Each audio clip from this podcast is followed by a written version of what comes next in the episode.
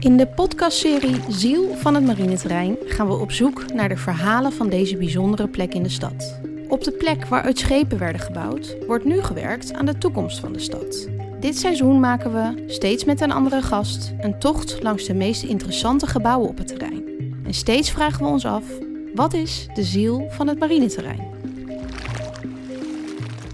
In deze aflevering van De Ziel van het Marineterrein ontmoeten we Job Roos, erfgoedarchitect van onder meer de Westergasfabriek en de Van Genthallen op Oosterburg. Samen met Job lopen we langs de muur en het poortgebouw van het marineterrein, beeldbepalende bouwwerken in de Kattenburgerstraat. Datgene wat zich achter de muur afspeelde, bleef eeuwenlang verborgen voor ons burgers. Maar welke betekenis heeft de muur nu het gebied zich deels heeft geopend? Een obstakel of een kans?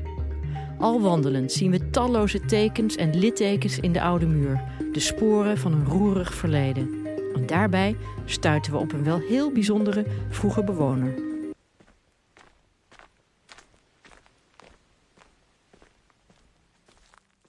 Job, wat zien we? Nou, we zien een hele lange muur. We zien een hele lange muur. En bij elkaar opgeteld denk ik dat je hier wel praat over meer dan 200 meter. Op deze fantastische plek midden in Amsterdam. En die muur die vertelt natuurlijk een verhaal over eh, wat niemand wist, wat er achter die muur zich afspeelde. Want dit was van oudsher, vanaf het midden van de 17e eeuw, het marineterrein in Amsterdam. Waar schepen werden gefabriceerd en hersteld. Ehm, en eigenlijk was dat dus een grote, ja, het was eigenlijk een heel groot uh, watervlak. In aansluiting nog gewoon op de zee, zout water. Gewoon op de Zuiderzee, hè? Ja, met op de Zuiderzee. Ja. Dus je zat hier midden in de binnenstad.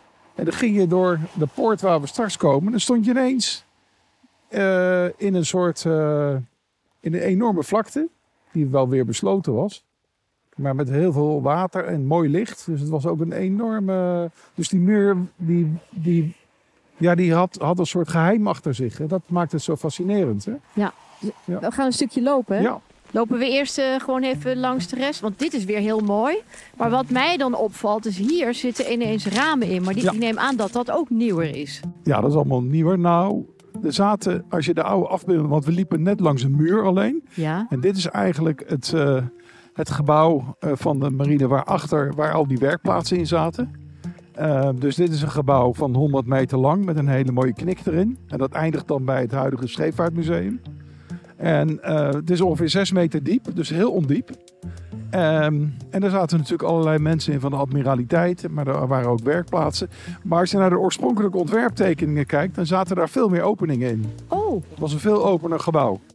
Het, het heet het, het poortgebouw. Hè? En het, wat je zei, het is al een, een hele bijzonder formaat. Ook dit, dan dit stuk is 100 meter lang, 100 en, meter lang. en maar 6 meter diep. Ja. Het is gewoon een, een gemiddelde woonkamer bijna ongeveer. Ja, dus dat, het, is het, was, het, was, het apart had een hele utilitaire functie. Eh, gekoppeld aan die scheepszeilingen die daarachter liggen. Vermoed ik dat het daarom maar zo slank gebouw was. Ja, met allemaal werkplaatsen en... Uh... Kijk, en dat is natuurlijk een heel onhandig gebouw. Dus Heel mijn onhandig. ingang, ja, dat ga je, niet meer, ga, je, ga je nooit meer bouwen. Dus wees blij dat je het hebt, hè. Het is een cadeau. Het is een cadeau wat je maar één keer kan uitpakken. Ja, ja je wordt helemaal blij van, hè, als je, dat, als je hier zo uh, langs Ja, loopt. ja, nou kijk hier, dit, als je nu... Ja, dit, we hebben een knik maakt hij nu, een, een, een knik van een graad of, uh, wat is het, 20 of zo? Zoiets. En dan heb je dat hele lange stuk, een meter of 80 denk ik. En die poort zit dan in het midden. Maar je ziet dat het gebouw is een beetje vermoeid geworden. Hè? Hij hangt een beetje achterover. Het is een beetje verzakt. En dat verraadt natuurlijk ook uh, de, de leeftijd van de oude dame. Ja. Met, die, met dat prachtige fronton hè, daar boven de poort. Of zullen we er even heen Ja. lopen?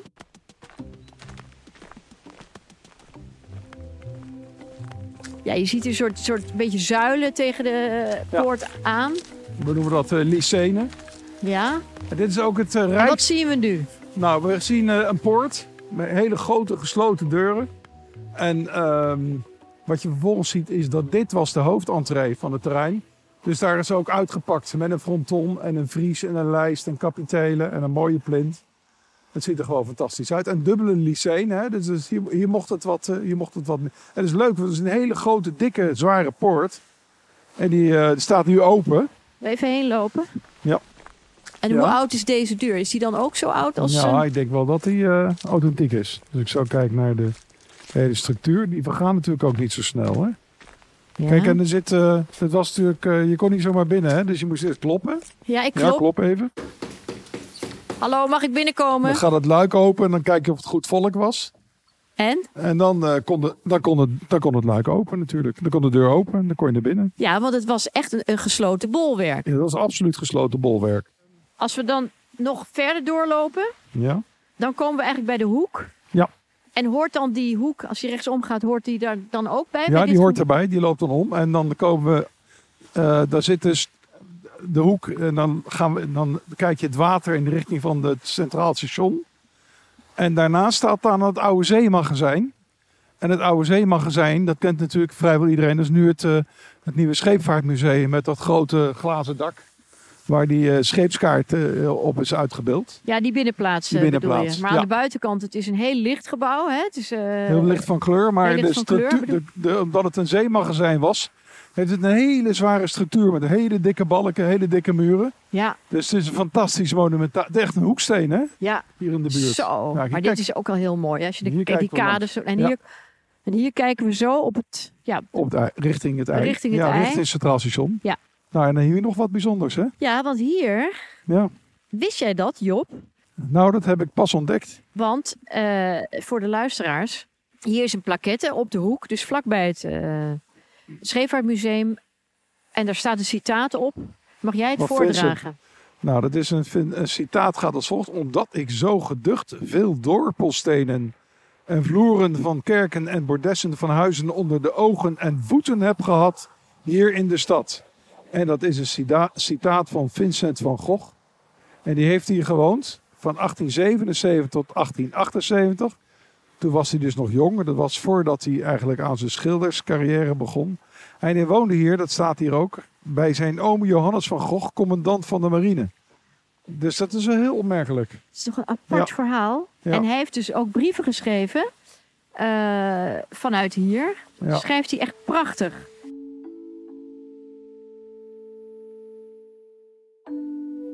Het begint reeds te schemeren en het gezicht uit het raam naast mij op de werf is onbeschrijfelijk schoon. Met het laantje van populieren waarvan de slanke vormen en dunne takjes zo fijn zich aftekenen tegen de grijze avondlucht.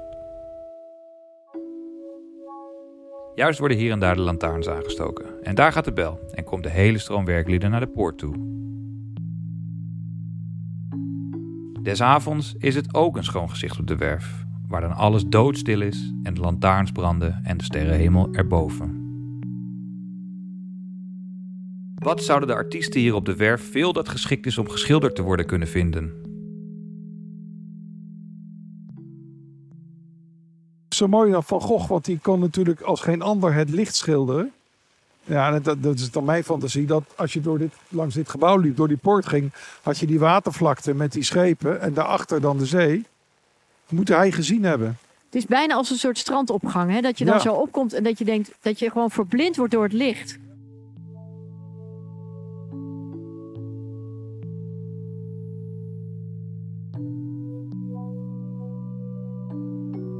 Nou, we hebben langs de muur en langs, eh, langs het gebouw gelopen. Daar is veel over te vertellen, over de geschiedenis daarvan. Ehm, maar misschien is het ook nog goed om te benadrukken dat, eh, omdat er op dit terrein heel veel gaat gebeuren, op dat marineterrein, achter de muur.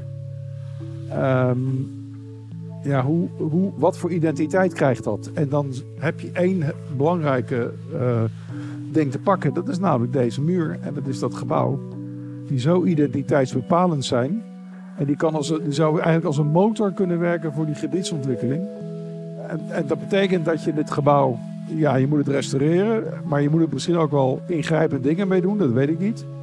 Dat zal allemaal best kunnen. Maar in ieder geval is het belangrijk dat, het, dat die ontwikkeling een integrale ontwikkeling wordt.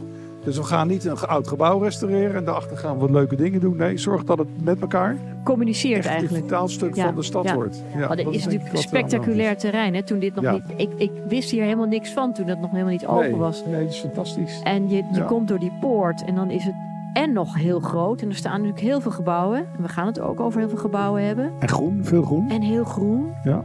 En moet je zien in een, in een fontein. En het Ja. is fantastisch. En dan zie je daar dat scheepvaartmuseum. Nee, dit is, dit, dit is voor eh, Amsterdam. Ik zou bijna zeggen, alleen wie moet het wel willen uitpakken. Dat is een cadeautje. Hè? Om dit tot een heel, ik zou bijna zeggen, maakt van dat oude waterbekken, en dat oude stuk zee, maakt daar gewoon een prachtige groene oase van. En tegelijkertijd moet je natuurlijk ook verdichten. En, en dan, ga je, ga je wonen en andere functies doen. En wateropslag en weet ik wat. En natuur inclusief natuurlijk. Dat moet allemaal gebeuren. Dat is een hele complexe opgave. En die moet je niet uit de weg gaan. Maar die moet je dus op een hele oorspronkelijke manier aanvliegen, denk ik. En dat lijkt me heel spannend. En dan dit poortgebouw als soort anker nemen, hè? Ja, Van die moet echt... Een soort eh, uitgangspunt. Dat is een prachtig uitgangspunt. Ja. Want het is eigenlijk bijna de ontsluiting. De ontsluiting, het, Ja. het gezicht of de buiten, Ja. hè? de huid van, van het marineterrein. En daar ligt dan de ziel. Precies. Dus eh, we gaan het zien. Misschien over tien jaar nog een keer hier lopen dan. En dan kijken hoe het geworden is. Ja? We hebben een afspraak. Oké, doen we.